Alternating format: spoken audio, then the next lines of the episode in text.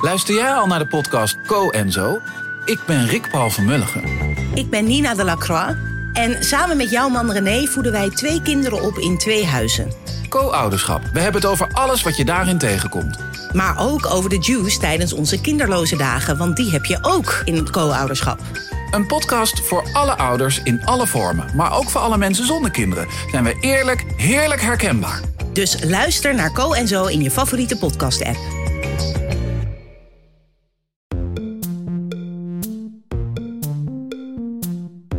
Daar, fijn dat je luistert naar Boeken FM, de literaire podcast van Dasmag en de Groene Amsterdammer. Wij nemen op in de studio van Dag en Nacht Media. Wil je nou nooit meer een aflevering van ons missen? Abonneer je dan nu in je eigen podcast-app en geef ons ook vooral een heleboel sterren en recensies. Dan zijn we ook zichtbaarder voor anderen die ons misschien willen luisteren. Heb je een vraag voor ons of ben je heel erg boos, vooral op Joost? Stuur dan een mail naar boekenfm.dasmag.nl. En we zijn tegenwoordig ook te vinden op Instagram, boekenfm. Oké, jongens, eh, terug naar toven. Want jullie zijn echt al eh, weken met die boeken bezig. Jullie zitten hartstikke te tovuleren.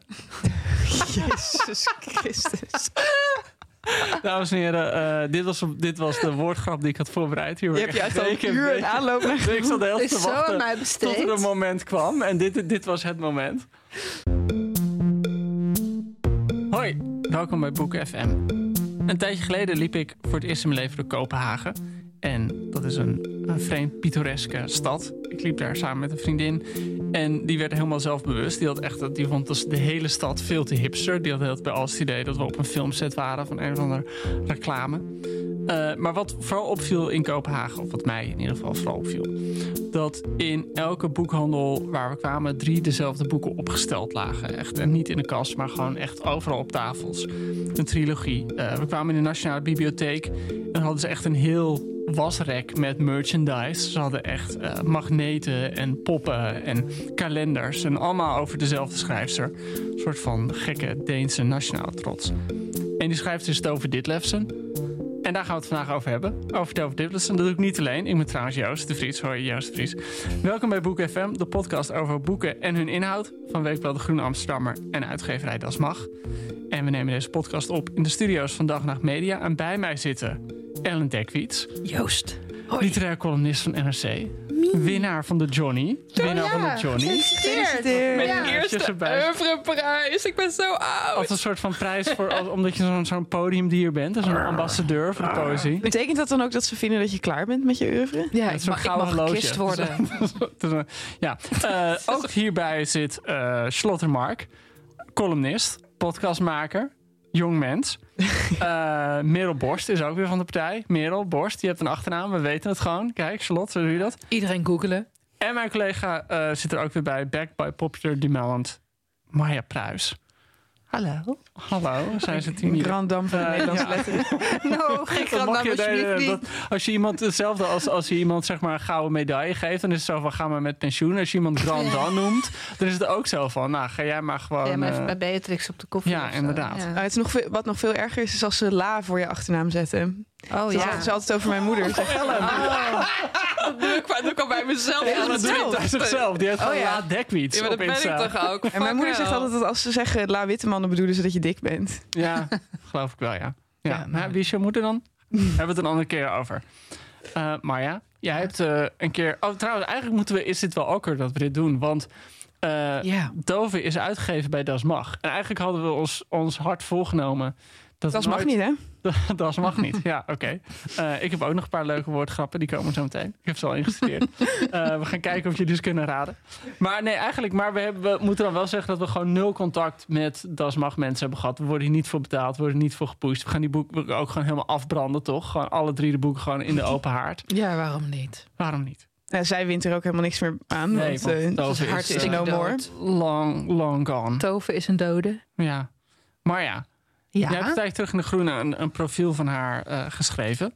Hoe moeten we Tove in de Deense letteren plaatsen? Wanneer leefde ze eigenlijk, die vrouw? Oh, dat is wel een hele fijne vraag. Oh, oh, fijne vraag. Maar ja, hier, als voorzet. Ze is er iets geboren mee. in 1917 en ze Oh. stierf in 1976. 75, 76. Ja. Maar eh, ik vind het grappig, want voor mij was het dus, net als voor eh, volgens mij alle Nederlanders, totaal exotische naam, Tove dit Lefsen. En ik hoorde al van eh, vrienden en vriendinnen wier smaak ik heel eh, hoog acht. Zo gauw dit boek er was, was het gewoon al een soort van, ging het al rond van, heb je het al gelezen? Het is Ja. geweldig. Ja. Dus je leest één deel en je leest ze alle drie. En dat vond ik ook. Ehm, en des te groter was eigenlijk mijn verrassing toen ik dat profiel ging schrijven voor De Groene. Vorig jaar. Nee, afgelopen jaar. Ja, begin dit jaar. In de ik, zomer ja. was dat denk ik. Toen eh, ging ik allereerst praten met de vertaalster. En daarna met een oud-docent, eh, universitair hoofddocent aan de UvA... Scandinavische letterkunde, Annelies van Hees. En op een of andere manier brachten die me een beetje uit... De, of hielpen die me uit de droom. Omdat ten eerste Toven is gewoon... Weet je wat, het klinkt voor ons geweldig... maar het is gewoon truus eigenlijk. Ja, Echt waar? het is gewoon truus. Mijn moeder heet Tove. Ja, jouw moeder, Toven. Ja. En ehm, ze is dus gewoon heel, heel bekend. Het- wat zij me over haar vertelde was echt eh, een soort Annie M. G. Schmid status. En vandaar dus ook, jij met al die poppen. Ik vind het trouwens onvergeeflijk dat je niks van me hebt ja, meegenomen. inderdaad. Ja. Pop van haar. Ja, er waren Was er een poppen van haar. figure? Ja, het was echt een soort van action figure. Ja. Ja. Dit is zo grappig, want iedereen die aan mij vroeg afgelopen week van wat ben je aan het lezen, zei ik van ja, echt een ondergesneeuwde en vergeten Deense is dus niet. schrijfster. is echt helemaal niet, Nee. En nog zou je uit de trilogie, maar goed, daar komen we straks nog uitgebreid over te spreken, kunnen denken dat ze een ongelooflijk getormenteerd leven heeft geleid. Wat ze ook wel heeft gehad. Maar ze was dus ook een soort lieve Lita. Ze had echt een hele Ja. populaire serie op de radio, waarin mensen dus haar, hun problemen voorlegden aan haar. adviescolumn of Ja. zo. Lieve radioadvies. Lita. Ja. Gewoon over alles. Over het leven, over de liefde, over echtscheiding. Ik ben, ik ben een vrouw, maar ik wil eigenlijk een man zijn. Iedereen pest me. Ik wil van mijn man af. Gewoon allemaal dat soort problemen. Dus iedereen kende haar. Het is zo grappig, want ze doet zichzelf altijd voor als een heel onaangepaste iemand. Ja, maar dat, nee, dat is dus niet. Maar ja, goed. Als je haar leven overziet, denk je wel. En als je erover leest in die trilogie, denk je wel van... goh, die vrouw heeft het wel voor de kiezer gehad. Zo. Maar ze had dus ook een heel mooi publiek gezicht. Een heel populair publiek gezicht. Maar en, en ging dat ten koste van haar status als schrijver? Of ging dat juist hand in hand? Ehm, nou, daar kun je genuanceerd over denken. Oh, ga jij, ga jij er even genuanceerd over denken? Nou, in het, volgens mij vooral in het tweede deel, denk ik, staan heel veel specima van haar dichtkunst. Nou, als je dat leest in het Nederlands, dat is toch wel erger dan Poesie-album. Ja, ik was er niet van onder de indruk. Nee, en dat, eh, het is volgens mij letterlijk gewoon echt haar poëzie. Ik bedoel, het is niet dat ze gewoon nu even iets bespottelijks opschrijft en zegt van ha ha ha. Want haar, ze laat haar broer er ook heel erg om lachen de hele tijd. En ik had het er dus vooral over met die eh, docenten. En die zei me ook dat ze. Ja, dat die poëzie was nou niet bepaald hoogstaande poëzie. Die vond haar wel echt een beetje een, eh, een B-categorie. Maar dat, dat is toch wel grappig, want, want oh, zoals dat wel vaker gaat met zoals Annie Ernaux eigenlijk vanuit het Frans naar het Engels Mhm. is verstaald en door het Engels bekend is geworden in Nederland, is dit een beetje hetzelfde gegaan. Ja. Dus door Penguin uitgegeven een paar jaar Ja. geleden. Ja. En toen zag het er zo heel mooi uit, zo heel chic uitgegeven. En toen dacht je, oh, dit is gewoon een of andere totale geheimtip. Eh, maar Ja. het is dus gewoon. nou ja, eigenlijk- voor ons dus wel. En Ja. voor ons is het echt een soort eh, exotisch iets. En wordt het echt, wij krijgen de Scandinaviërs gewoon weer helemaal eh, voor de kiezen. gewoon dat zwarte leven. Maar ja, in Denemarken is het dus heel wat anders. Maar goed, wat niet wegneemt dat zij door de officiële literaire eh, kritiek is ze niet heel positief ontvangen. Zoals heel veel schrijfsters natuurlijk. Veel populaire schrijfsters. Dus het werd toch wel echt een beetje afgedaan als... van, oh ja, het was een beetje een damesroman schrijfster. Ehm, dus Werd eh, werd ook een zoals- beetje gezien als een soort van halve kinderboekenschrijfster, omdat ze zo. nou, vooral een beetje zoet. Dus echt een beetje, eh, ja, bijna kasteelroman. Wacht even, ook deze trilogie? Nee, die niet. Nee, dat is weer wat anders. Maar ze heeft gewoon heel veel dichtbundels en best wel veel romans. Dus toen ik bij die Annelies van Hees was, die liet ze me ook allemaal zien hoe ze eruit zagen in de Deense uitgave. En dat hadden ook allemaal van die Annemiek zet door kaften, weet je wel. Leg uit. Wat is Annemiek zo door? Wat is nou, dit? eh, of, of Pitty van het schoolplein. Ik weet denk je wel, als het over- Oh, schoolidyllen, zeg maar. Ja, een beetje dat. dat. Allemaal van die meisjesboeken. En haar, haar debuut heette ook Meisjesgemoed. Ja. En ze hadden allemaal van die beetje sociaal-realistische titels. Dus je zou ook kunnen denken, het is een beetje kamertjes zondeachtig van Herman Heijermans. Weet je, zo moet je het een beetje plaatsen. Maar ook Heel sociaal-realistisch. Maar ook het latere werk, eh, Marja. Is het, want is het, het- want eh, ik vind haar qua proza en aanschrijver, de gedichten die in deze bundel of in deze boeken voorkomen, vind ik ook van een meh kwaliteit. Maar volgens deze Annelies van Hees is het ook nooit beter geworden dan dat. Nee. Jammer. Ehm, nou moet ik zeggen dat Annelies van Hees is wel van de generatie vrouwen die ook een beetje een hekel had ook aan andere, aan vrouwelijke schrijvers. Of in ieder geval. Oh, vrouwen die vrouwen, vrouwen haten. vrouwen haten. Nou, nee, ja, maar dan, dan klinkt het alsof ik die hele Annelies van Hees weer. Nee, zo Ja, bedoel ik het ook een niet. beetje gek dat je die nu even je, je bron kapot gaat maken. Nee, maar ik, ik ken dat heel goed. Ik bedoel, je, je, je zit op school, je, je studeert en je krijgt gewoon de, de literair, officiële literaire kanon. Dat is gewoon de literatuur waarvan je denkt dat is literatuur met een hoofdletter L. En de, zeg maar meer de bestsellervrouwen, die zijn verdacht. Nog heel even om het nog in de Dat is tijd niet heel gek, toch? Dat ik dit dit Nee, is toch een algeheel bekend feit? Nee, nee, Ja, absoluut. Maar het ja. is ook een thema in, in, in het boek zelf, toch? Ja. Want dat, dat Tove automatisch in competitie is met de enige andere vrouw die Ja. aan het publiceren Ja, is. tuurlijk. Is er maar één is er haar. plaats voor eentje. En het wat- het zo mooi is, is Ja. daar alleen nog maar, Ja. maakt het allemaal erger. Ja. Wat mij Ja. altijd opvalt is dat ik dan... Ik, ik hou altijd heel erg van als ik een, een, een eh, oud boek lees... om dan recensies uit die tijd op te zoeken. Dat is, dat is zo Mhm. heerlijk. En wat mij dan opvalt is dat ik dan ga ik in het archief kijken... van de London Review of Books of de New York Review of Books. En dan worden die boeken wel besproken... maar dan zeg maar waar dan eh, Julian Barnes gewoon in zijn eentje een bespreking krijgt... kom je dan tegen dat, weet ik het, Penelope Lively... gewoon samen met vijf andere Ja, ja, vrouwen ja. wordt besproken. Ja. En dan hebben die boeken niets met elkaar te maken... Nee. behalve dan dat ze allemaal door vrouwen werden Ja. geschreven. Daar zou Ja. ik ook mijn contemporaries van gaan haten. Ja, Ja. nee, maar dan, Ja. dan wordt elke vrouw gewoon, ja, is, Ja. is relatie tot een andere vrouw Ja. omdat ze vrouw zijn. Dat Ja. is heel gek. Heel lang heeft nou, dat die- geduurd. in zij heeft me van alles voorgelezen, en direct vertaald uit Deense literatuurgeschiedenissen. En dan wordt zij inderdaad een beetje zo psychologisch afgedaan. Er is gewoon, en dat vertelde de vertaalster van Tove Ditlevsen Wie me is dat, ook, de vertaler?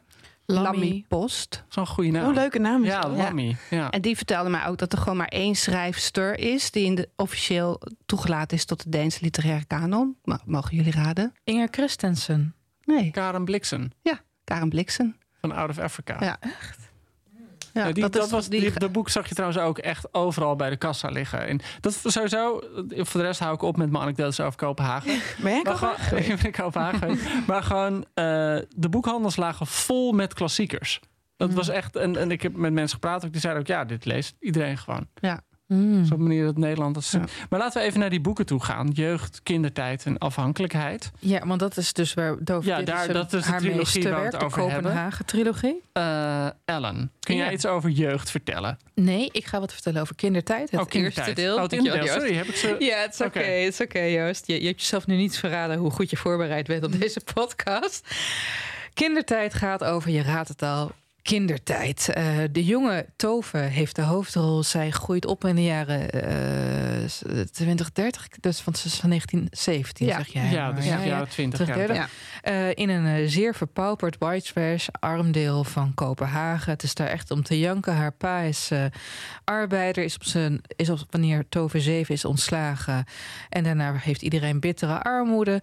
En Tove heeft één grote droom. En dat is, Tove wil dichter worden. Nou, we merken dus nu al dat het niet helemaal vlekkeloos is gegaan. Maar die wens tot dichterschap is echt de rode draad in dit eerste boek. Waarin haar leven wordt beschreven van ja, haar vroegste jaren tot ongeveer haar veertiende als ze naar het of naar de.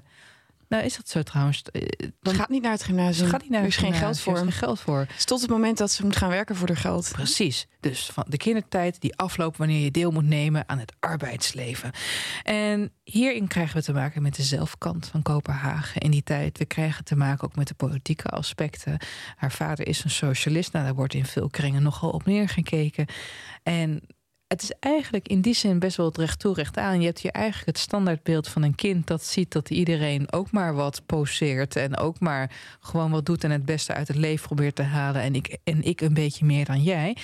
Maar wat voor mij echt heel verslavend hieraan was, was de stijl. En ik ga nu twee voorbeelden geven, want dat vind ik leuk. Het boek opent met deze alinea. Ochtends was er hoop. Die zat als een vluchtige lichtglimp op mijn moeders zwarte gladde haar, dat ik nooit durfde aan te raken, en lag op mijn tong samen met de suiker op de lauwwarme havermout. Die at ik langzaam op terwijl ik mijn moeders smalle, gevouwen handen bestudeerde, die heel stil op de krant lagen en de artikelen over de Spaanse griep en het verdrag van Versailles bedekten. Dus hiermee opent het. Dan zie je ook meteen wat er op het spel staat. Je hebt de wereldgeschiedenis die is naar de achtergrond, weet je wel, onder de handen verdreven. En iemand die leeft in een tijdsgevricht met eigenlijk ook de gevolgen van die wereldgeschiedenis. Ook de inval van Hitler uh, in de rest van heel Europa zo ongeveer. Komt uh, later ook flink aan bod. En het, het, het zijn eigenlijk allemaal kleine anekdotes uit een jeugd die niet geweldig is, maar nog net niet zo rampzalig is als de jeugd van Elisabeth Fritsel moet zijn geweest. Hm. En over die kindertijd schreef uh, dit Lefse vervolgens dit. Dan heb je ook meteen een beetje idee wat voor feestvreugde er uit dit boek spat. Je kindertijd is smal en lang als een doodskist. en je kunt er niet zonder hulp aan ontsnappen. Hij is er constant en voor iedereen even duidelijk zichtbaar als de hazenlip van mooie Ludwig. Voor hem geldt hetzelfde als voor mooie Lily, die zo lelijk is dat je niet kunt voorstellen dat ze ooit een moeder heeft gehad. Alles wat lelijk of ongelukkig is, wordt mooi genoemd en niemand weet waarom. Je kunt niet aan je kindertijd ontsnappen. Die hangt om je heen als een vieze stank. Je merkt het aan andere kinderen. Elke kindertijd heeft zijn eigen geur. Je ruikt die van jezelf niet en bent soms bang dat die stank erger is dan die van iemand anders. Dan sta je met een ander meisje te praten wie kindertijd ruikt naar as en steenkool. En plotseling doet ze een stap achteruit omdat ze de vreselijke geur van jouw kindertijd heeft geroken. Stiekem observeer je de volwassenen, wier kindertijd zich in hen bevindt als een in stukken gereten en door motten aangevreten kleed waar niemand meer aan denkt en dat niemand meer nodig heeft. Je kunt niet aan hen zien dat ze een kindertijd hebben gehad. En je durft ze niet te vragen wat ze hebben gedaan om er doorheen te komen, zonder dat hun gezichten er diepe littekens en kneuzingen aan hebben overgehouden. En je verdenkt ze ervan dat ze een geheime sluiproute hebben gebruikt en zich hun volwassen gedaante hebben aangemeten, jaren voor de tijd daar rijp voor was. Dit is wat mij betreft ook meteen de kern van dit boek.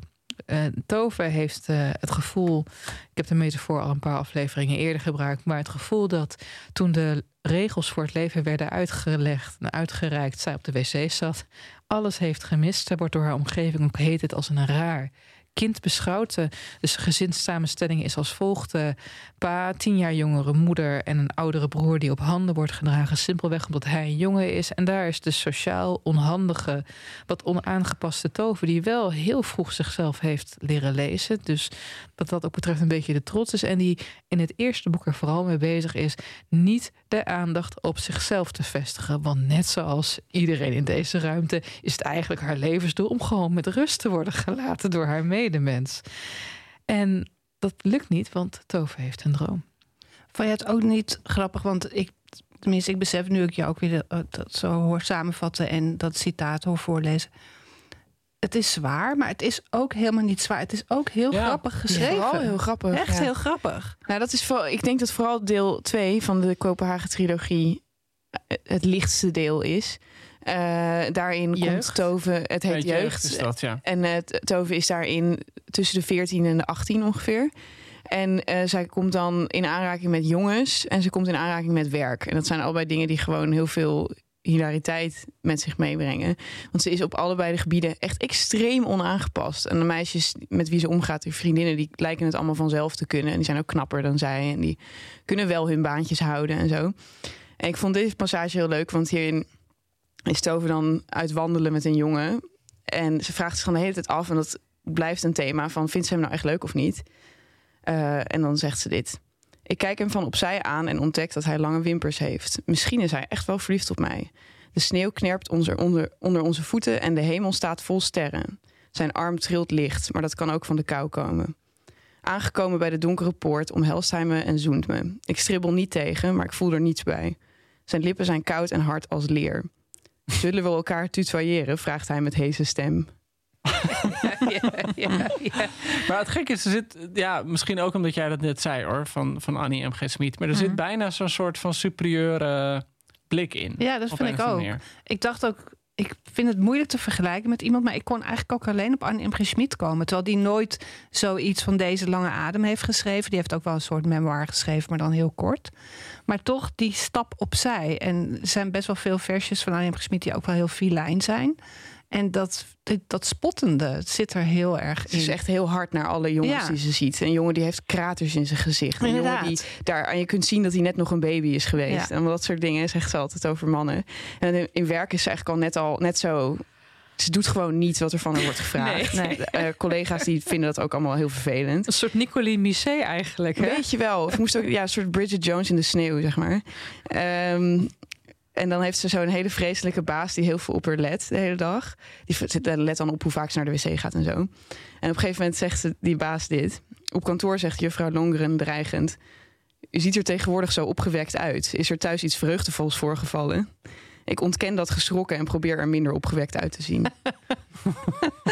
ja, ik vond dat... Is dat ook die baas die er opeens van achter bij de borsten pakt? Of is dat een andere baas? Die je borst ook een hele grappige Als scène. een Ja. slager het vlees keurt. Oh. Vreselijk. Ja. Ja, maar daarom is dit. Ik vond dit eigenlijk het makkelijkst om te lezen. Omdat het gewoon alleen maar lachen is eigenlijk de hele Jeugd. tijd jeugd. Kijk, ze rekent in deel 1.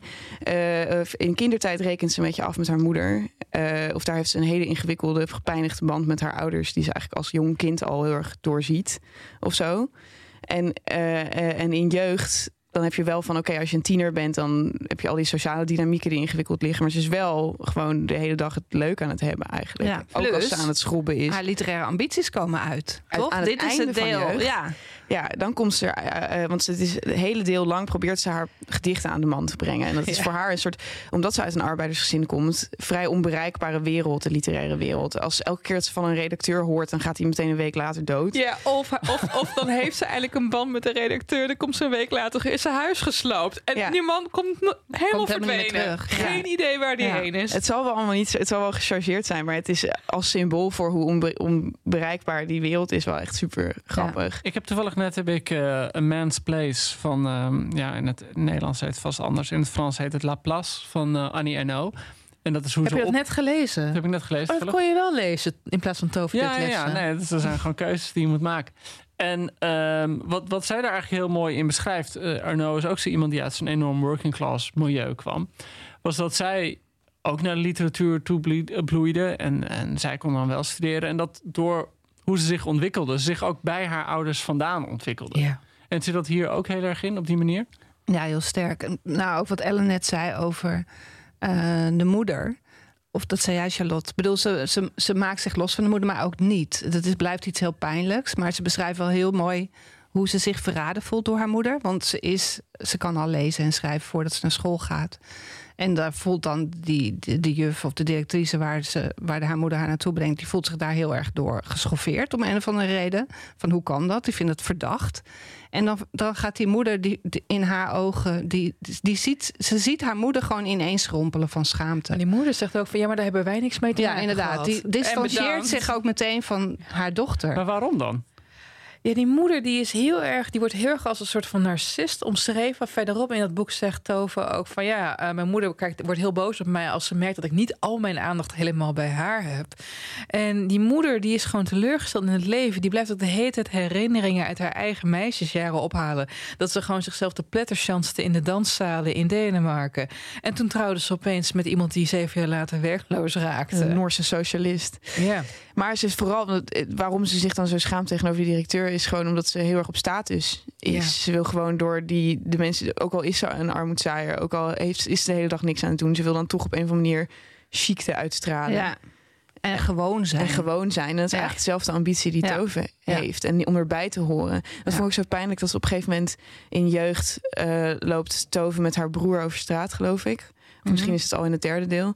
En dan moeten ze doen alsof ze dat niet hebben gedaan, omdat hun moeder zich anders buitengesloten zal voelen. Omdat alles wat zich buiten haar afspeelt, daar, dat vindt ze gewoon heel erg. Ja. En Tove heeft eigenlijk hetzelfde. Elke Ja. keer dat er iets zonder haar gebeurt, denkt ze van het zal wel zijn omdat ik niet waard ben of Ja. dat ik er niet bij Nee, hoor. inderdaad. En inderdaad die drang voor... ik wil niet opvallen, ik wil gewoon zijn. Ik wil het gewone leven leiden. En toch wil Ja. ze per se die dichtdroom, die heel ongewoon is voor een Ja, meisje. inderdaad. En uh, Ja. voor iemand van haar klasse. Nou ja, dan heb ik dus een mooi citaat uit het derde deel, afhankelijkheid. Want dan, dat is een heel simpel iets hoor. Maar dan is ze net getrouwd en ze heeft een kind. En ze is gepubliceerd, dus ze Ja. alle dromen zijn Op haar. 18 al, toch? Ja. En dan zegt eh, de man, haar man tegen haar. ehm, dus, de, dus de ik is natuurlijk doof. Die zegt: Ik buig over de wieg en pak de piepkleine vingertjes vast. Nu zijn we vader, moeder en kind, zeg ik. Een doodgewoon normaal gezin. Waarom wil je zo graag gewoon en normaal zijn? vraagt Ebbe verbaasd. Het is immers een feit dat je dat niet bent. Daar kan ik hem geen antwoord op geven, maar dit wens ik al zolang als ik me kan herinneren. Ja. Op een gegeven moment, jaren later eh, eh, in het echt leven, heeft Tove die heeft, eh, een eerste zelfdodingspoging gedaan. En dan werd aan haar gevraagd: waarom heb je dat gedaan? En zei ze: ja, het leek me zo'n heerlijk idee om nooit meer een mens te hoeven zien. Ja. Wat grimmig nou weer. Ja, dat is heel grimmig. Maar misschien Ja. moeten we dan die sprong maken naar het derde boek. Ja, Ik we komen nog wel terug die- op die andere twee ook. Want er valt eigenlijk zoveel over te De eerste twee is eigenlijk een soort van Pietje Bel, feest. Ja, we komen nee, uit onze klasse. We worden alle dromen komen uit. Ja, En dan maar is toch deel ook. Ja, maar inderdaad. Maar het- ja, dat feest van het debuut, dat wordt toch een beetje overschaduwd door de engheid van de man. Met wie, of de vreemdheid van de man. Want hoe met wie krijgt ze haar is. eh, debuut eh, op de markt op? Ze trouwt met eh, redacteur van een literair tijdschrift. Ja. Een man van 52. Zij is Zij is 18. begin, nee, ze is 18. Ze is ja. 18. Ja. Lucky, ja. En Ja. ja. dat is gewoon. Ze beschrijft me als wel echt een buitengewoon onaantrekkelijk. Nou ja, goed. Ja, wel hij hartelijk, is veilig. Het Hij is is een soort veilig. heeft iemand. een douche, vindt ze ook heel belangrijk. Maar hij raakt haar nooit Boeken. aan. Zit En nog dat steeds vindt voor de oorlog dus, hè? voor de Goede Ja. voor de Tweede Wereldoorlog. Ik dacht dus Ja. Als al- ze 18 is.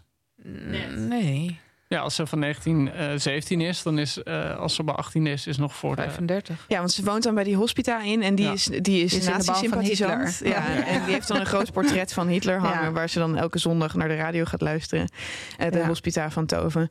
Dus dat is nog voordat hij eh, door de oorlog uitbarst. Ja. Het was wel dat, dat ze dan Maar zei van die- elke keer dat de radio heel veel lawaai had gemaakt... dan viel hij de volgende dag een land binnen. Oké, ja. Ja, ik vind dat wel ook heel mooi hoe op een niet eh, gekunstelde manier die oorlog heel Ja. erg in het boek aanwezig, in al die drie delen aanwezig, of ja, zeker in de twee laatste delen aanwezig is. Nou, vooral omdat zij gewoon niet politiek geëngageerd nee, is zelf. inderdaad. Het kan Ja, gewoon maar daarom komt het ook des te schelen. harder aan. Ja, dat je denkt van, Ja. ze ergert zich vooral aan het geluid van die radio. Dat je dan denkt Ja. van, ja, het is, het is wel Maar dat vind ik ook een mooie scène. Ik weet niet, dan zit ze in de tram en dan zit ze daar met een Duitser, soldaat of zo. En dan iedereen die doet natuurlijk heel vijandig tegen die jongen. En zij denkt alleen maar, ach, die jongen die moet ook maar gewoon maar, weet je wel, werken voor zijn geld. Ik weet niet, ze heeft Ja, zo'n ja, ja. hele, hele onthechte blik op alles. Ja, absoluut. Ja. Maar hoe- ontwikkelt zich, zich, ze, zich verder in eh, dat derde deel? Want dat is natuurlijk gewoon het... Ja, Oké, gewoon- dat is nou, want eh, ja. daar zijn we nog niet aangekomen. Maar we hebben het natuurlijk over haar leven gehad. Maar dat heeft natuurlijk ook gewoon met hoe haar leven geëindigd is. En, en Ja. noem maar op. Nou, het derde deel heet afhankelijkheid in het Nederlands en in het uh, Deens. Deens, in het heet Deens het heet gift. Gift. Gift. Ik Is probeer het het een beetje? Deens uit te Oh. spreken. Nou, dat is dus En, grappig, wat ja, de vertaalster mij vertelde. Nee, gif, maar het betekent ook huwelijk, getrouwd. Oh, Is dat hetzelfde woord? Ja, Huwelijk en getrouwd? en dat is natuurlijk heel mooi, dubbelzin. gif is hetzelfde woord in Ja, het Deens. maar dubbelzinnigheid komt, wordt ook helemaal waargemaakt in dit deel. Want ja, ze is op een hele gekke manier wordt ze afhankelijk van en de man en van het, het gif wat ze toegediend krijgt. Ja, leg dat eens uit aan de Drugs. heel veel luisteraars. Drugs. Drugs. Drugs. Die snappen, die snappen er niks, aan, niks van. Wat gebeurt er? Wat voor Ja, gif? oké.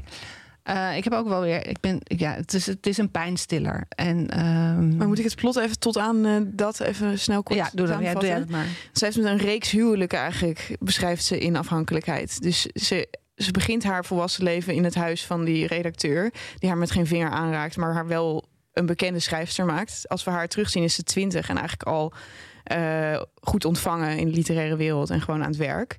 Ehm, dus als ze dat heeft, ze is ook wel een beetje een opportunist... gaat ze bij hem weg om met eh, een jonge man, Hunk. een reeks jonge mannen te zijn... waarvan de meest belangrijke Ebbe is... die echt super lekker is volgens mij. Ja, Daar gaat het de hele tijd over. Ja. Eh, van wie ze ook een kind krijgt als ze 25, een jaar of 23 is of zo. Ehm, uiteindelijk gaat ze om onverklaarbare redenen. Nou, trouwens, niet echt om onverklaarbare redenen, maar voor Ebbe onverklaarbare redenen gaat ze bij hem weg om te trouwen met een soort ontzettende kromgegroeide arts. Bij wie ze eerst een abortus heeft. Ja. En dat doet hij, want dat is een arts, weet je, van alle markten thuis. En na die abortus geeft hij haar, want het is, voor mij is het twee jaar geleden dat ik het laatste Mhm. deel heb gelezen. Dan geeft hij haar een pijnstiller. En het is opeens, en dat vond ik zo'n mooie parallel met die eerste twee boeken. In de eerste twee is de literatuur echt haar uitvlucht, weet je wel, uit alles waar het leven, wat het leven op haar laat kletteren. En dan is ze uiteindelijk in de literatuur begin derde deel. En dat blijkt alsnog niet uitvlucht genoeg te zijn. En een nieuw verdovend middel is dan een verdovend middel. Ja. En Want dat heet volgens mij petidine. Petidine. ja. Petidine. Het is, ja, het is denk ik morfine-achtig. Ja. Het is een pijnstiller. en hoe maar ik zal dat even- toegediend? Via een eh, naald. Ugh, Ik, eh, ik ga even voorlezen. Ik vond het heel moeilijk te lezen, dit. En het is echt gewoon een boek wat je gewoon alleen maar met... Tenminste, ik heb het echt ge- rillend Vreselijk, gelezen. Ja, Echt Het is verschrikkelijk. afschuwelijk, ja. Ook omdat ze... Ja, ik moest ook denken aan Lou Reed. Gewoon heroin. Gewoon dat, ook dat hele verzaligde over spreken of zingen over drugs. Dus dit is het moment dat ze het voor het eerst voelt. Dus dat ze die naald krijgt toegediend. Hij klopt zachtjes op de binnenkant van mijn elleboog... tot er een blauwe ader tevoorschijn komt. Misschien moet jij even niet luisteren, Joost. Je hebt goede aderen, zegt Oh hij. mijn god, ben je me nu aan het aan Nee, shamen sorry, ja, ik zit nu- nou, maar het je valt- gewoon- ja. nu gewoon Je moet ongelooflijk. heel veel je hoofd in onze schoot leggen. Volkomen Ja. overbodige belediging. Zelfs Nee, ik word hier wel een En beetje misselijk hoofd tussen je benen, Joost. Ja, ja, hij heeft mijn hoofd tussen iemands been. Dan prikt hij me. En als de vloeistof via de spuit in mijn arm verdwijnt, verspreidt zich een zalig gevoel door mijn lichaam zoals ik nooit eerder heb ervaren. De kamer strekt zich uit tot een stralende zaal en ik voel me helemaal slap, loom en gelukkig als nooit tevoren. Ik rol op mijn zij en sluit mijn ogen. Laat me met rust, hoor ik mezelf zeggen, als door vele lage watten. Je hoeft helemaal niets met me te doen. Weet jij nog, ik weet dat jij die ook gezien hebt, Before the Devil Knows You're Dead. Die speelt Oh ja, ook zo. Maar er over het algemeen vind ik namelijk drugs in boeken en films volledig oninteressant. Ik vind echt op het moment dat, dat personages aan, aan de drugs gaan, hou ik gewoon op om geïnteresseerd in ze te zijn. Maar Before the Devil Knows You're Dead zit ook zo'n scène waarin eh, Philip Seymour Hoffman, geweldig acteur, ook naargeestig om zijn, aan, het, aan zijn einde gekomen. En die gaat er naar zo'n heel mooi appartement in New York. En dat doet zo'n jongen in een kimono open. En hij is gewoon zo'n zo'n overwerkte man die een, baan heeft die eigenlijk niet aankwam. En een vrouw die al lang verliefd op iemand anders is. En dan gaat hij daar naartoe en dan zegt die jongen... nou, ga maar zitten, dan mag je op een bed liggen. En dan dient die jongen hem, hem heroïne toe. En dan zie je hem alleen maar gewoon zo slapen eigenlijk. Gewoon. Ja, maar dat is altijd. En Als je ja. mensen heroïne ziet gebruiken, dan zie je ze omvallen. Ja. Dan is er gewoon niks meer. Maar ik vind het, ik vind het heel eng. En ik, ik- nou ja, anders dan jij zet ik het niet uit. Ik, vind het, ik ben er wel altijd heel erg door gefascineerd. Ik ook. Maar goed, die man die eh, haar dit toedient, die maakt haar eigenlijk afhankelijk van hem. Doordat hij de enige is die haar dat, dit kan geven. Want hij is Mhm. een, dus een arts. Je kunt het niet in de apotheek aanschaffen of zo. Eh, dus ze laat eigenlijk haar hele leven achter om met deze engert te zijn. Eh, Ze heeft er alles voor over. Ze laat zich opereren, zodat ze daar die pijnstillers... Oh, toch een neusoperatie? Nee, de nee, de oor. oor. Ze Oh wordt ja, doof ze aan wordt één gewoon oor. doof. Omdat ze liegt Ja. over de pijn tegen Ja. haar man. Ze zegt Ja. tegen haar man, en dat is de, die zin wil ik nog even voorlezen. Ik Ja. denk dat je weet welke ik bedoel. Ehm, ze liegt de hele tijd tegen die man over dat ze vreselijke oorpijn heeft. Zodat ze, hij haar dat spul kan geven. Wat hij haar op zich dus steeds wel geeft. Maar zij wil gewoon vaker dan hij misschien denkt in zijn gekte. Dan verantwoord is. Ja, want hij blijft natuurlijk een arts. Hij weet Ja. dat er grenzen zijn aan hoeveel van dit spul je iemand vrouw mag eh, geven. Mag Ja. geven. Ja, nou ja, dat mag sowieso niet. Eh, We hebben trouwens nog één detail helemaal weggelaten. Of ga jij dat nu voorlezen? nee, nee, ga je gang. Nou, Nou, dat als zij helemaal van de wereld is, dan gaat hij dus met haar. Ja, dan doet hij het met Oh, haar. cool. Ja, en dan zegt hij ook, Ja. dan Ja. fluistert hij in haar oor van... ik vind het zo fijn dat je zo Ja. weerloos bent. Ja. Oh. Echt fucking heel, heel ja. naar Het is echt morgen is open. En dood en dood Ja. en dood eng. Ja. Oh ja, hier, dit is het. Het aller, aller, allerengste. Zij op een gegeven moment, na jaren en jaren en jaren afhankelijkheid... ze heeft drie kinderen waar ze niet voor kan zorgen... eh, hakt ze de knoop door en belt ze een andere arts. En ze vertelt wat er gebeurd is. En dan hebben ze echt... Zij en de arts met wie ze getrouwd is... hebben een ijskoude, ijskoud gesprek met elkaar. Dat hij zegt van, dit is het einde van mijn carrière. En dat ze eigenlijk zich wil verontschuldigen van... wat heb ik je aangedaan? Dat hij zegt van, nou ik red me wel. Ze zullen jou naar een kliniek brengen. En wat er met mij gebeurt, dat, dat is onduidelijk. En dan komen ze haar halen en naar een eh, afkeerkliniek brengen. En dan terwijl ze wordt vastgebonden op zo'n brancard... eh, eh, zegt hij... De kans bestaat, zegt hij met een lege uitdrukking in zijn ogen... dat we elkaar nooit meer zullen zien. Dan voegt hij er terloops aan toe... Eigenlijk was ik nooit helemaal overtuigd van die oorpijn van je. Oh ja. Ja, zo van niet. Dus hij weet het ook nog. Hij weet het ook nog. naar. Dat hij gewoon een junk is. Maar volgens Ja. mij leeft hij ook nog. hè? Ik ga het even... Oh. volgens Hij is natuurlijk echt iemand. ja, hij, hij bestaat Ja, nog maar dan moet hij wel steeds. 100 zijn. of Ja maar, ja, maar artsen die, die roken en worden toch heel oud. Ik ga het even opzoeken, jongens. Hmm. Ondertussen praat verder. Ja, want uh, nou, dan maar even Maar, terug. maar hoe, ze- ze schreef dus wel nog steeds. Terwijl ze gewoon lekker aan de oorpijn junken was. Nee, deze vijf jaar heeft ze niet geschreven. Nee, nee. Pas in de kliniek is ze weer gaan ja, schrijven. Deze heeft ze allemaal vanuit de kliniek geschreven. En daar heeft ze uiteindelijk ook nog een roman over geschreven. En die komt nog komend jaar uit Is bij dat faces Ja. in het Engels? In het Ja, Nederlands? gezichten. Gezichten. Maar dit vond ik ook zo ontzettend. Ik was zo verbaasd. Want ik wist dus van vrienden die hem ook al hadden gelezen, die hele trilogie, dat er iets onverwachts zou komen in het derde deel. Maar holy cannoli, dit had ik niet zien aankomen. Nee, Iemand totaal gewoon niet. totale drug addict. Ja, maar je krijgt een totale klap voor je kop. En Ja. ook, ook omdat er niks geruststellends wordt gezegd. En je weet ook hoe ze aan de einde is gekomen. En dan de laatste ja, regels ja. ook van het deel. Ik bedoel, dat zou te veel weggeven als ik dat nu zou zeggen. Maar dat je echt denkt, oh ja, het houdt dus ook gewoon nooit op. En dan sla je de bladzijde om en dan zie je een foto van haar met haar kinderen. En dan zie je wat een ongelooflijk mooie vrouw het was. Ja, dat was, vond ik ook een extra klap Ja, dat weer. is echt een klap dat je denkt, oh god. Ja, ik denk dat die drugsverslaving... eh, omdat ik had dus geen één recensie gelezen en nog Oh, hij niemand leeft nog gesproken. steeds trouwens. Oh. Eh, nee, hij is dood trouwens, die ex-man. Ga door. Ja. Oké. Eh, ik had nog niemand hierover gesproken. Dus ik had geen idee waar die afhankelijkheid voor stond. Ik nam Mhm. aan dat het gewoon ging van mannen man, of schrijven ja. of Ja. whatever. Eh, dus het is echt nog veel enger als het iemand is die je kent die verslaafd wordt aan de drugs. Toch? Meestal als je een drugsboek leest, eh Weer kinderen van Baanhoofd zo of zoiets. Ja, het is een soort anoniem iets. Dan of zo. weet je van Ja. het gaat over heroïne. Ja. En hier wist je het niet. En je kent haar al jaren, heb je het gevoel, want je bent met haar opgegroeid. Dus je hebt ook de hele tijd dat je wil roepen van Tove, zo zijn wij toch niet? Ja. Ehm, maar wat mij nog het meest opviel, en dat zei jij eigenlijk in het begin al, eh, Ellen, is dat de stijl eh, zo goed is. En dat ik ook weer niet in woorden kan brengen waarom. Ik denk dat ik een, ik heb een poging gedaan door eh, dingen op te schrijven die eh, zij presenteert als absoluten. Want dat doet ze dus de hele tijd. Ze schrijft eigenlijk in stellingen. Ehm, bijvoorbeeld, vader is zwart en oud als een kachel. Edwin is knap en ik ben lelijk. Mijn grootvader, die Moendus heette en koetsenmaker was voordat hij alcoholist werd. Elke avond zitten ze aan de eettafel te breien alsof hun leven ervan afhangt. Meisjes zijn toch ook een soort mensen? Dikke mensen zijn vrolijk en gemoedelijk. De magere zijn de, de Oh kwaaien. ja, ja, dat vond ik Ja, maar mooi, inderdaad. Maar ook de vergelijkingen. Volgens mij trekt die moeder in het eerste boek ook kleren. Hij, ze trekt haar kleren woedend aan om de deur uit te gaan. Ze trekt haar kleren aan alsof het beledigingen zijn. Ja, Mm. maar dit soort dingen is, Ja. dus is, is heel sterk in dit soort vergelijkingen. Bijvoorbeeld, hij wreef in zijn gezicht alsof hij zijn gelaatstrekken wilde verschuiven. Ehm, maar wat, wat me dus vooral opviel, is dat er zitten gewoon een heleboel zinnen in van vier woorden over gewoon absolute waarheden. Ja. Die is een alcoholist. Die is nooit ouder dan twintig geworden. Die hoest altijd. Ja. Mhm. Eh, die was toen al voorbestemd om jong te sterven. Zij is mooi, hij is lelijk. Mhm.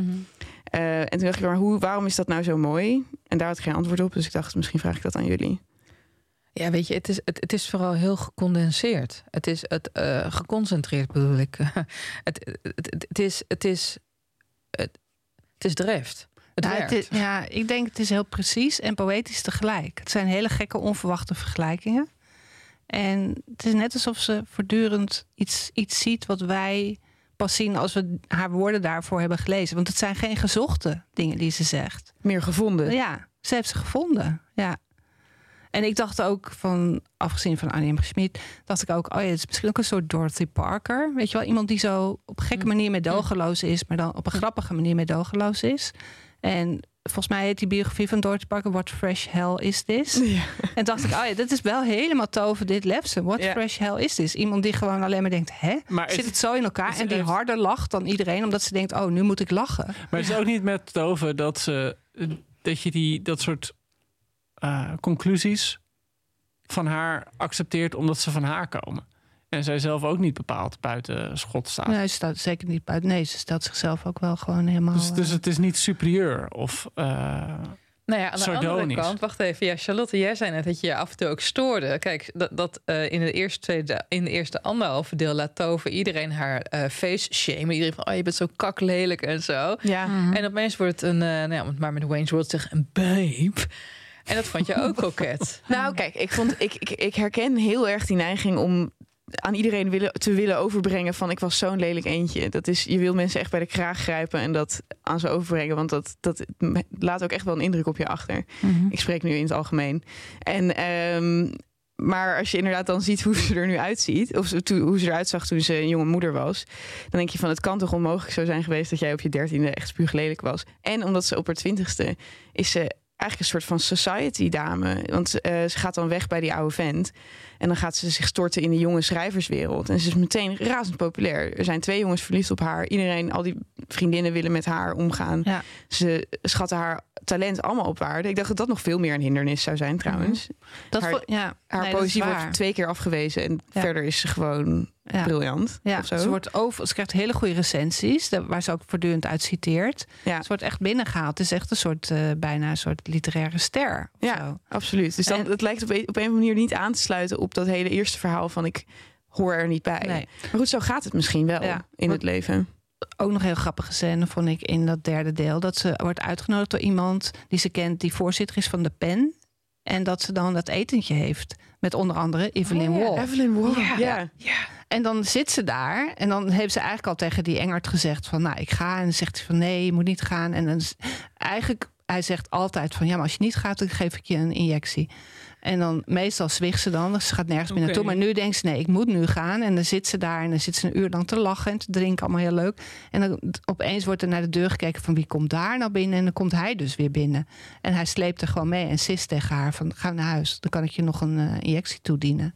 En dan gaat ze dus mee. Eh, Oh, wat gruwelijk. Ja, vreselijk. gruwelijk. Hij is echt een soort horrorpersonage. Ja. Maar dat vond ik wel Ja. heel slim gedaan. Want eerst is hij een sukkeltje, toch? Want ze ontmoet, ze heeft een soort van one-night stand met die dokter. Ja, ze vindt hem Hij is zo heel lelijk. En hij heeft scheve tanden. Ja. En hij, 64 tanden, schrijft ze.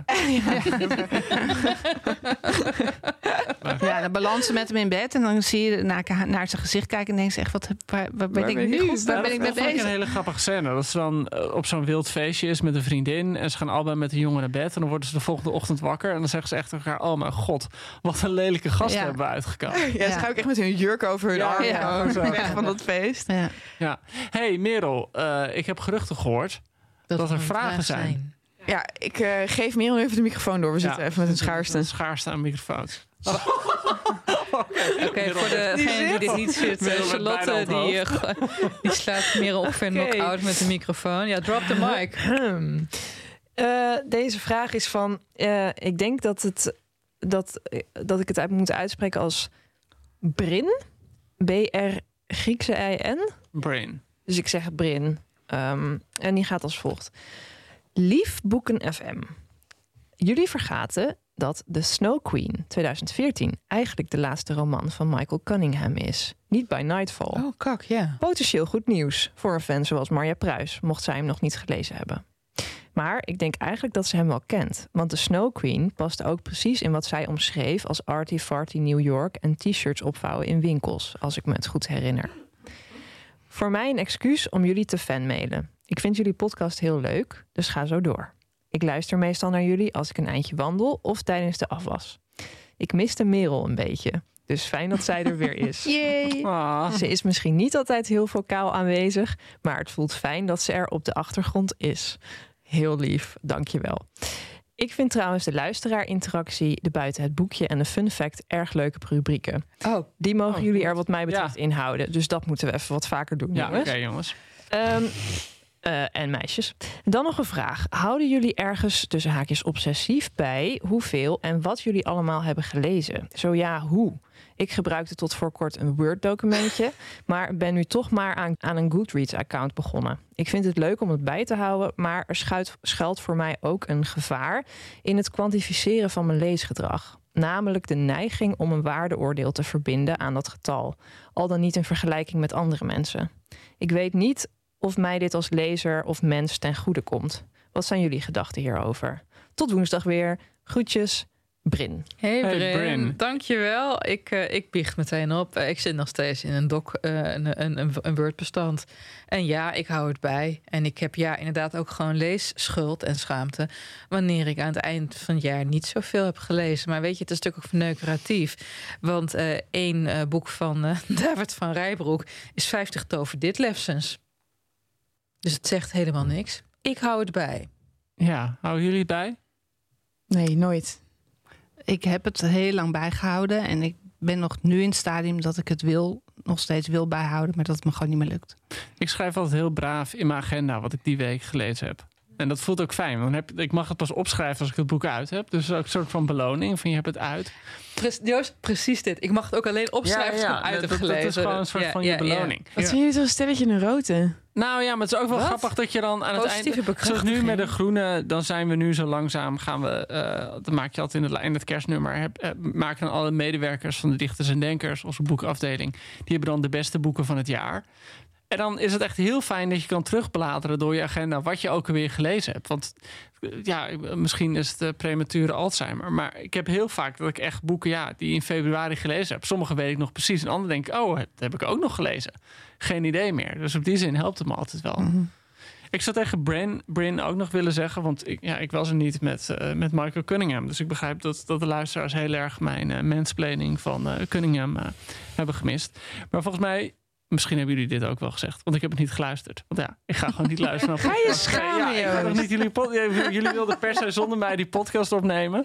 Ja, en dan denk je dat ik hem ga luisteren. Nu ga je echt woord voor woord iets zeggen dat Ellen heeft gezegd waarschijnlijk. Nee, dat, dat, wat zo mooi is in de, in de Snow Queen... en dat, dat zit volgens mij in al die boeken van Cunningham... dat al die personages altijd een keer worden getroffen... door een moment van buitengewone schoonheid. Oh, Mm. nee. Hebben jullie dit uitgelegd? Nee, dit alle boeken zit er ik zo'n heb wel moment... gezegd dat ze worden getroffen, maar niet door schoonheid. Oké, ja, nou, wel, ik dacht ook dat het die kant op Oké, nee, in alle boeken zit er zo'n moment dat ze iets zien wat zo mooi is dat het hun tot de fundamenten eh, schudt. En de Snow King gaat, als ik me goed herinner, over twee broers en de vriendin van een van die broers. Volgens mij is er iets met die vriendin.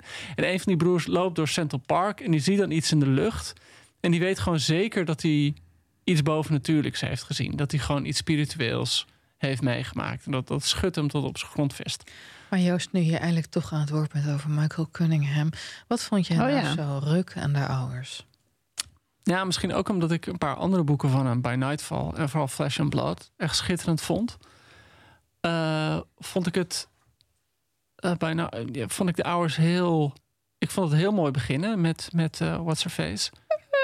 Eh, zie je wel, maar ja, was best wel een mooi begin. Dat Virginia Woolf Ja, Virginia zelf- Woolf, ja, dat vond ik heel goed porno, gedaan. Ja. Ik vond wel dat Marja heel goed uitlegde wat er kut aan was. En eh, ja, tegen mij heeft ze dat heel vaak uitgelegd, dus ik hoef die Ja, podcast. Ik was echt meteen om. Nee. En, eh, maar ik, vind, ik vond het boek net iets te ijl op een of andere manier. En, en ook een soort van tevreden met hoe precieus het allemaal was. Dat ik vond laatste eigenlijk vooral die verhaallijn vond ik heel mooi van die man met eh ja, aids heeft hij waarschijnlijk. Ja. Eh, met die moeder, met dat kind, dat vond ik een beetje. Dat ik dacht, ja, oké, oké, oké. Wat had jij uitgegeven voor cijfer? Eh, ja, kijk, hij is, stilistisch is hij heel goed. Dus da- daar kan je niet aan voorbij gaan. Ik zou het een 7 hebben gegeven. Ja, zoals altijd. Oké, goed. Maar Marja houdt het niet meer bij. Charlotte, hou jij het bij wat je leest? Nee, nee, ik heb dat dus nooit gedaan. Ik, eh, ehm, ik had het ook, ik schreef het vroeger ook in mijn agenda, maar meer dat ik dan plande van wat ga ik vanavond lezen. En sinds ik ook voor mijn werk lees, moet, doe ik dat ook.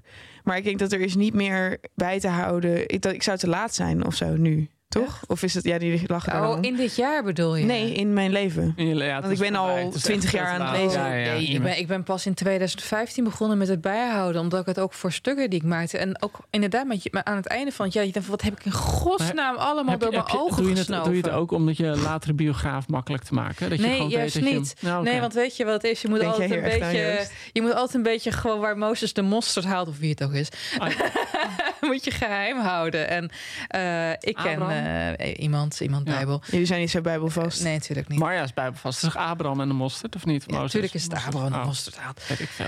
Eh, maar ik ken, ik ken bijvoorbeeld, eh, er zijn verhalen van bekende dichters die zeiden van nou, die en die dichter lees ik nooit. En dan waren ze dood en werd hun bibliotheek ontmanteld. Echt hele blank vol van die Ja, ja. Oh, dat is zo grappig. Dat het, eh, om nou weer over David Foster Wallace te beginnen. Maar die ontkende altijd dat hij Thomas Pynchon had gelezen.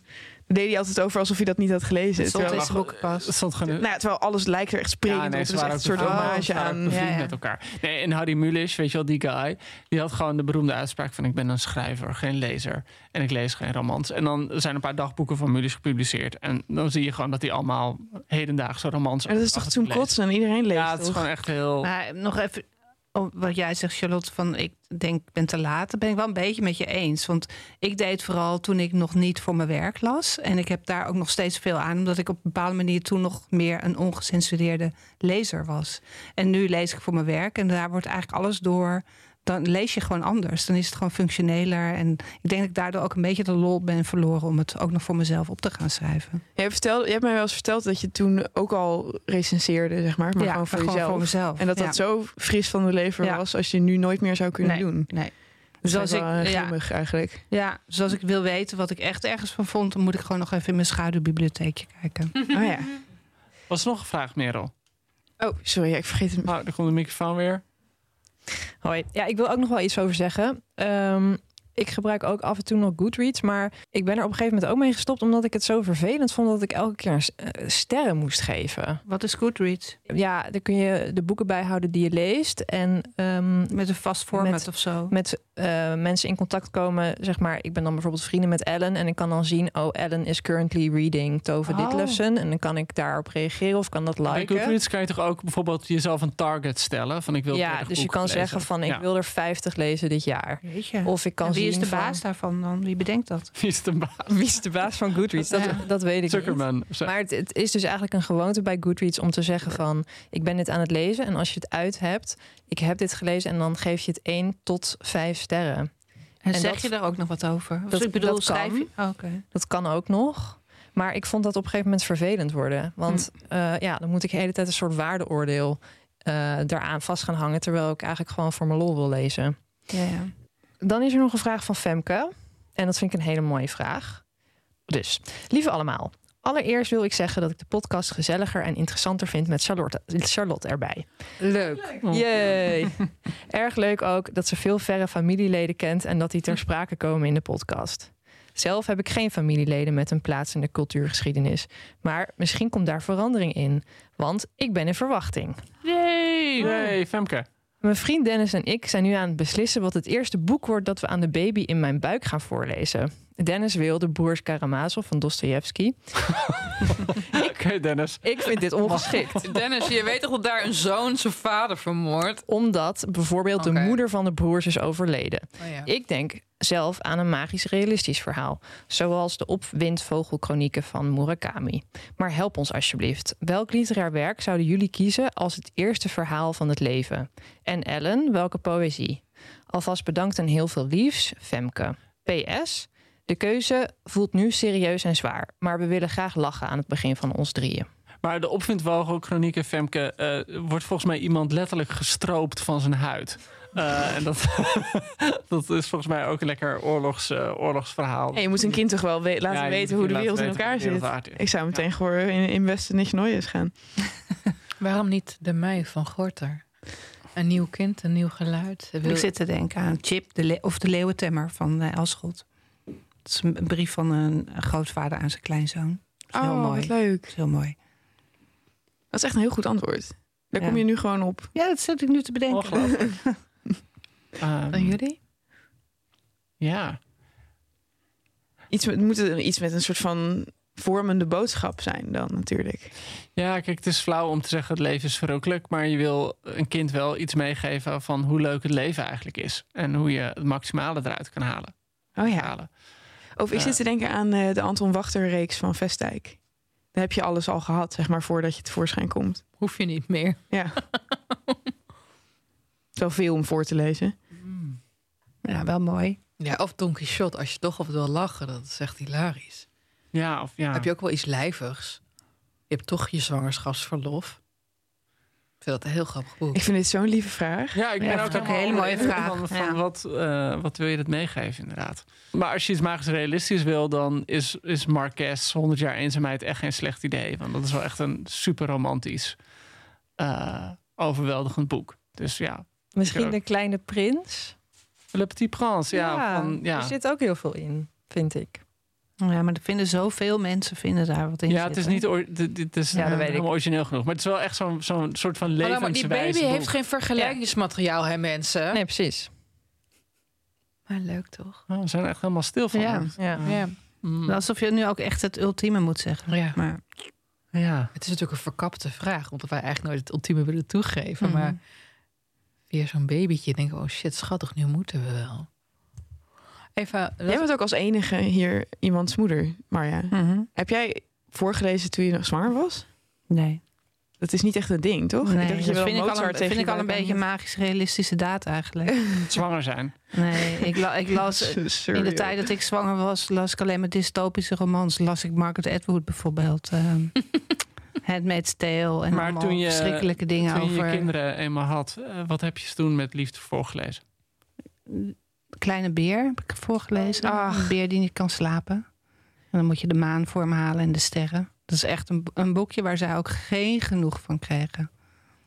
Is dat ook dat waar die papa beer dan op een gegeven moment boos wordt, omdat hij de hik heeft? Nee, die, dit weet ik niet. Hij wordt wel alleen boos omdat de pappenbeer wordt boos omdat je het ziet op de achtergrond zie je dat kleine beertje gewoon allerlei capriolen uithalen in Oh, zijn oh bed. Hij kan gewoon niet slapen. Ja. En uiteindelijk neemt de vader neemt het kleine beertje dan mee naar buiten en laat hem alles zien wat er is. Eh, schitterend. Ja, het is echt heel mooi. Eh, nou, he- heel veel sterkte gewenst. Ja, oké. Laat het Femke en Dennis, zet hem Femke. op. Eh, eh, Femke en Dennis. Oké, jongens, eh, terug naar toven. Want jullie zijn echt al eh, weken met die boeken bezig. Jullie zitten hartstikke te tovuleren. Jezus Christus. Dames en heren, eh, dit, was, dit was de woordgrap die ik had voorbereid. Hier Je hebt je echt al een uur een weken- aanloop naar Ik zat de hele tijd te wachten mij tot er een moment kwam. En dit, dit was het moment. Eh, maar volgens mij hebben we die boeken heel uitgebreid behandeld. En zijn we volgens mij alweer toe, eh, ook gezien de tijd, op een afrondende conclusie. Die we nog voorzet doen. Een afrondende conclusie. Ja, nee, dat is een tussentijds conclusie heb je ook nog. Ja, een, een openingsconclusie. Ehm, maar ja, Ik vond het betoverende boeken. nee, ik, ik dacht dus dat het niet zoveel voor mij zou zijn. Ehm, maar ik vond, ik vond het echt heel erg mooi. Ik, waar ik alleen een beetje eh, last van heb, is je leest het in de, in de vertaling van een taal die je zelf gewoon helemaal niet kent. Dus wij kunnen wel heel erg nu haar stijl gaan roemen. En denk ik, ja, wat, wat roemen we? Misschien roemen we Lammy Post wel. ja. Dat vind ik toch altijd een beetje een, eh, een gek idee. Maar Dat vroeg ik me wel af over Deens. Laat, weet een van jullie of dat zich goed laat vertalen naar het Nederlands? Ja. het klinkt heel erg als Nederlands. Dat is heel Ja. gek. Maar of het zich goed laat vertalen, weet ik niet. Volgens mij wel. Zo Ja. komt het wel over. Zo komt het over, ja. Omdat ja. Lammy Post dus gewoon goed werk Ja, blijkbaar heeft ze gewoon heel goed vertaald. Want Ik ze heeft wel een hele bijzondere toon weten te vinden. Ik ken één Deen in, Nederlander, in, in Nederland. En ik ken één Nederlander die in Denemarken woont. En die zeggen dat Ne- Denen en Nederlanders heel erg hetzelfde gevoel voor humor hebben. Een beetje Oh. hetzelfde gevoel voor stijl. En dat ze Oké. die twee volken echt heel erg op elkaar vinden lijken. Dus misschien klopt het ook wel dat Tover dan bij ons ook zo'n eh, zo'n hit is. Ehm, Charlotte, Cijfer? Een Eerst? cijfer. Oh, cijfer? Ja, een Ja. negen. negen. negen. Oké. Ja. Charlotte. Eh, geweldig. Geweldig, ik ja. vond het weer zoals altijd heel erg goed. Ehm, ik was niet voor ingenomen. Kijk, wat ik hoorde, ik sprak een vriendin erover en die zei van, ja, nou al die lof die het heeft gekregen, had ik wel iets uitzonderlijks verwacht. Ja, In Nederland, zeg maar, is het zo gunstig gesproken Ja. door iedereen. En toen dacht ik, oh, dat wist ik helemaal niet, want ik had dat gewoon helemaal niet eh, gelezen. Eh, dus ik snap dat zij misschien dacht van, nou, zo bijzonder is het nou ook weer niet. Maar ik kan gewoon heel erg waarderen zo'n simpel verhaal van iemands leven, eh, waaruit een personage in al haar facetten naar voren komt. Ik vind het, eh, het doet me denken aan Angela's Ashes of zo. Eh, gewoon zo'n tragische jeugd, tragisch jeugdverhaal, maar dan met humor. Vind ik heel mooi. Ben ik fan van. 9,5. 9,5. Oké, Ellen. 9 plus. 9 plus. Ja, weet je, het is waar. Ik ken ook iemand die is, het is gaan lezen nadat ze ook al die lovende recensies had gelezen. En daarom echt een beetje toch een beetje meh vond. Ik had dat gelukkig niet. Ik was om. En ik moet ook bij zeggen, ik ik heb het volgens mij in een vorige podcast er ook over gehad. Ik, ik had, dit boek had ik meegenomen als een cadeautje voor iemand. Had ik bij mijn vriend laten liggen en vergeten in te pakken. En mijn vriend ging het lezen en die wilde het niet meer teruggeven. En heeft meteen de twee andere delen voor zijn verjaardag gevraagd. Dus zo verslavend is het ook. Dus voor mij 9,2. En voor jou, Joost? Nou ja, ik heb ze niet gelezen. Ik heb alleen die derde gelezen. Dus ik eh, behoud me van oordeel. Maar dan komen we tot een eh, gemiddelde, eh, Ellen. Van een 9,2. Oh, 9,2. Nice. Dat is helemaal niet slecht gedaan, Tove. Dit was de podcast eh Boeken FM van Das Mag en eh, de Groene Amsterdammer. Eh, jullie moeten wel, ik doe het nu uit mijn hoofd, kijken of dit kan. Je moet ons raten in je app, als je dat leuk vindt. En ehm, je moet abonnee worden van de Groene Amsterdammer. Merel, je kijkt een spot, wat moet ik nog meer zeggen ook weer? Je kan, als je vragen hebt, kan je insturen naar boekenfm.dasmag.nl. En ook eventueel via onze Instagram, Het Boeken FM. het Boek FM. Eh, ik was Joost de Vries. Bij me zitten uh, Charlotte Remark, Merel Borst, Marje Pruis en Ellen Dekwiet. Ik heb nog wel een fun fact. Oh, je hebt nog een fun fact? Oh, Mag ik vertellen, Mel? Oh. Ja, ja nee, maar het gaat helemaal niet over, over Diddlers, maar het gaat over mij. Ik heb natuurlijk toch altijd... Ik kom uit een verslavingsgevoelige familie, dus ik ben altijd heel erg ver weg gebleven van hard, hard drugs. Maar ik was... Twee jaar geleden was ik bij Adriaan van Dis op bezoek. En die had net een soort heupoperatie gehad. En hij zei, ja, ik heb nog wat morfine liggen. Hè? Eh, je- wil je wat hebben? En ik zei natuurlijk... Ja, nee, nee, luister, luister. Kijk maar, ik kijk me niet zo raar. Kun je dat in pilvorm krijgen? Luister nou eventjes. Ja, pardon. dat kan je trouwens in pilvorm blijkbaar krijgen. Maar goed, dus hij zei, ik heb nog een morfine liggen. Wil je het hebben? Ik zei, oh, eigenlijk wauw, weet je wel. Eigenlijk wel. En hij zei, ja, het is heel duur. Ik zei, nou, eh, graag. En hij komt aan met een dichtbundel van hem, genaamd morfine. en ik, dankjewel Adriaan, wat ontzettend leuk. een pokerface houden. Ik weet niet of hij dit luistert, maar het is een mooie dichtbundel, erachter Adriaan. Tot volgende week. Tot volgende week. Doei. Doeg.